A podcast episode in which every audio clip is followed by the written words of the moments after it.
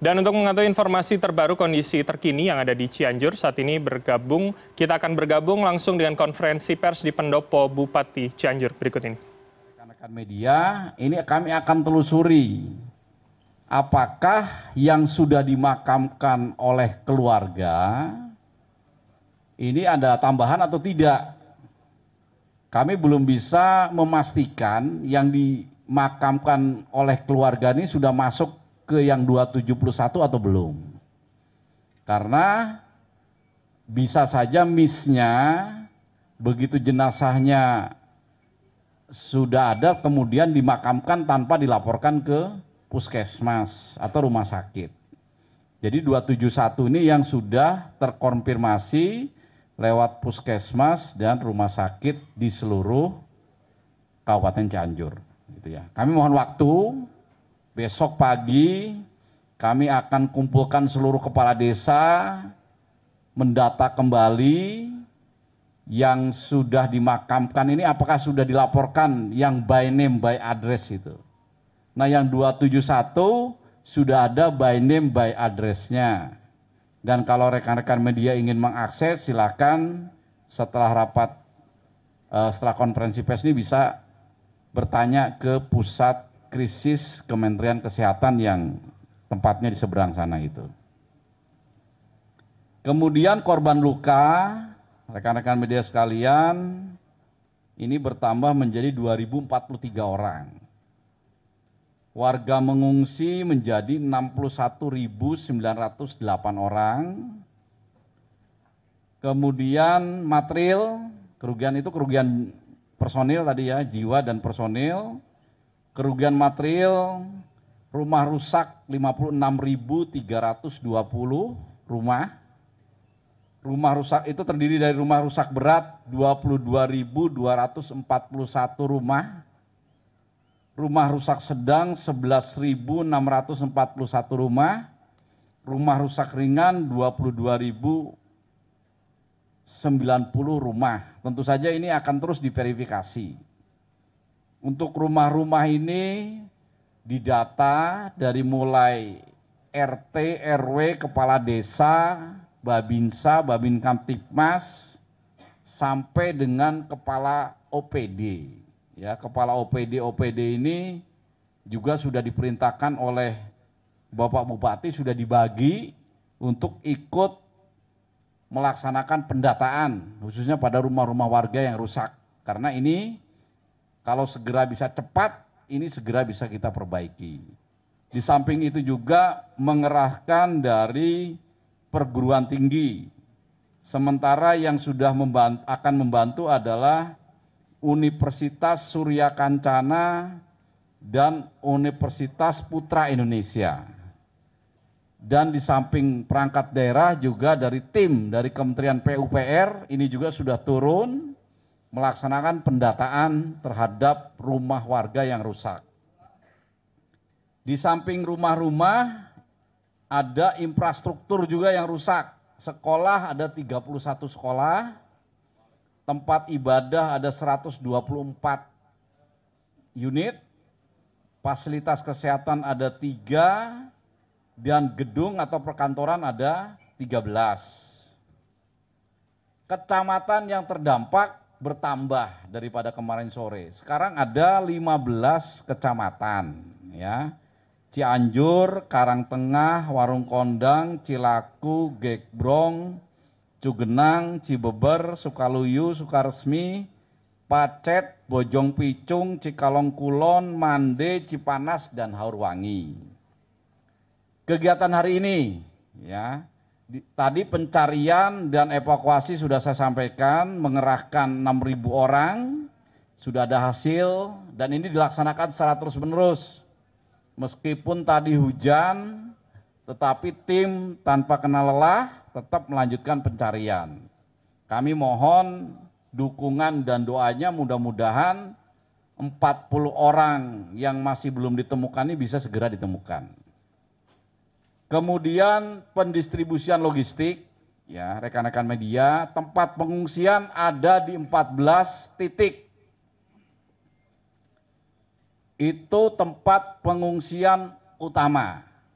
di mana di sana akan disiapkan sedemikian rupa sehingga setiap hari ini bisa progresnya semakin baik. Baik tempat menginapnya, tenda-tendanya, dapur umum, MCK, dan sanitasi lainnya. Kemudian untuk yang masih tinggal di tenda-tenda darurat di sekitar rumahnya yang rusak, kami tadi sudah rapat koordinasi hari ini pagi-pagi. Mereka akan dibujuk, akan dihimbau untuk bergeser ke tempat-tempat pengungsian utama yang sudah disiapkan. Yang sudah disiapkan. Tetapi paling kalau tidak, kami juga akan tetap membantu menyiapkan tenda-tenda yang lebih baik. Nah, untuk pendistribusian logistik supaya tertib, ya. Jadi ada dua gudang. Yang pertama gudang BBBD dan yang kedua gudang wanita. Semua logistik baik dari pemerintah atau bantuan dari mana pun diharapkan melalui posko utama ya di depan pendopo ini kemudian nanti logistik itu akan disalurkan atau disimpan di gedung BBBD, gudang BBBD dan Balai Rancage atau gudang wanita, gedung wanita. Setiap jam 8 pagi, para camat sudah mengajukan kebutuhan di masing-masing kecamatannya. Jam 9, Dinas Perhubungan provinsi, kabupaten, ke provinsi Jabar, kabupaten Cianjur, TNI, Polri, BNPB, BBBD, dan semua yang terlibat ini menyiapkan armada truk.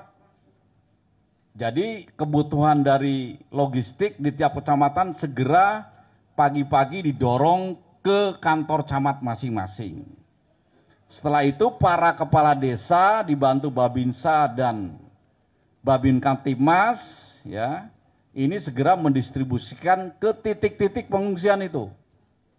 Jadi tidak ada lagi yang satu sisi mendapat logistik yang berlebihan, di sisi lain ada yang tidak mendapat logistik.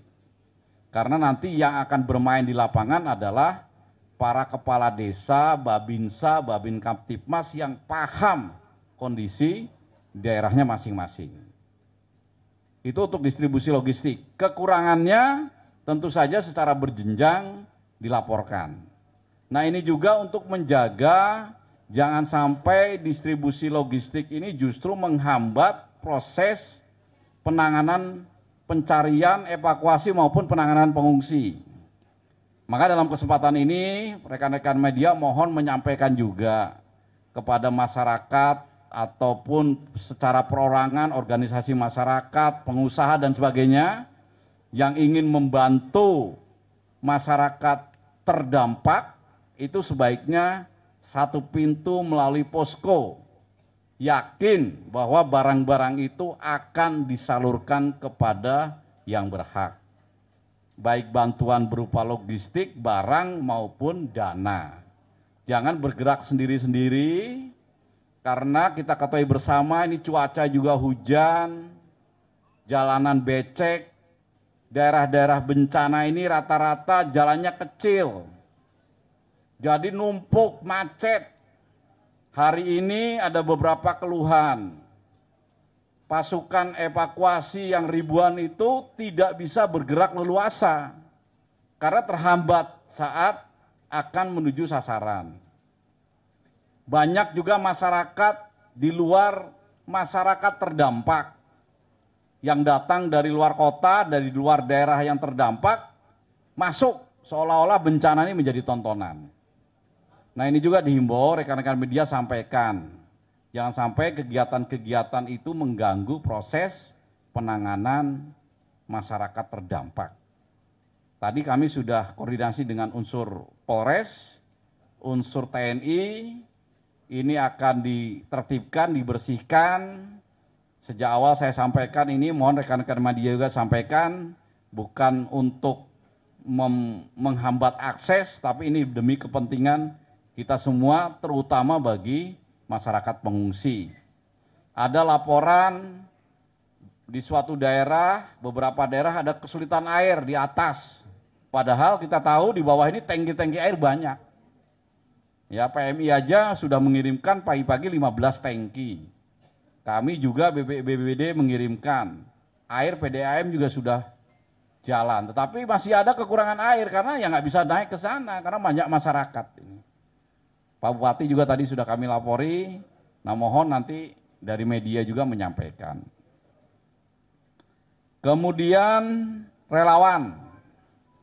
Malam ini sudah ada relawan di samping unsur-unsur pemerintah, TNI Polri ya, aparat, relawan juga sudah masuk ke Kabupaten Cianjur supaya tidak supaya kegiatannya betul-betul terkendali dan sistematis ya. Malam ini juga akan kami kumpulkan cukup banyak ada 193 organisasi relawan yang siap bantu. Jumlah personilnya yang sudah terdata saat ini ada 2.904 relawan.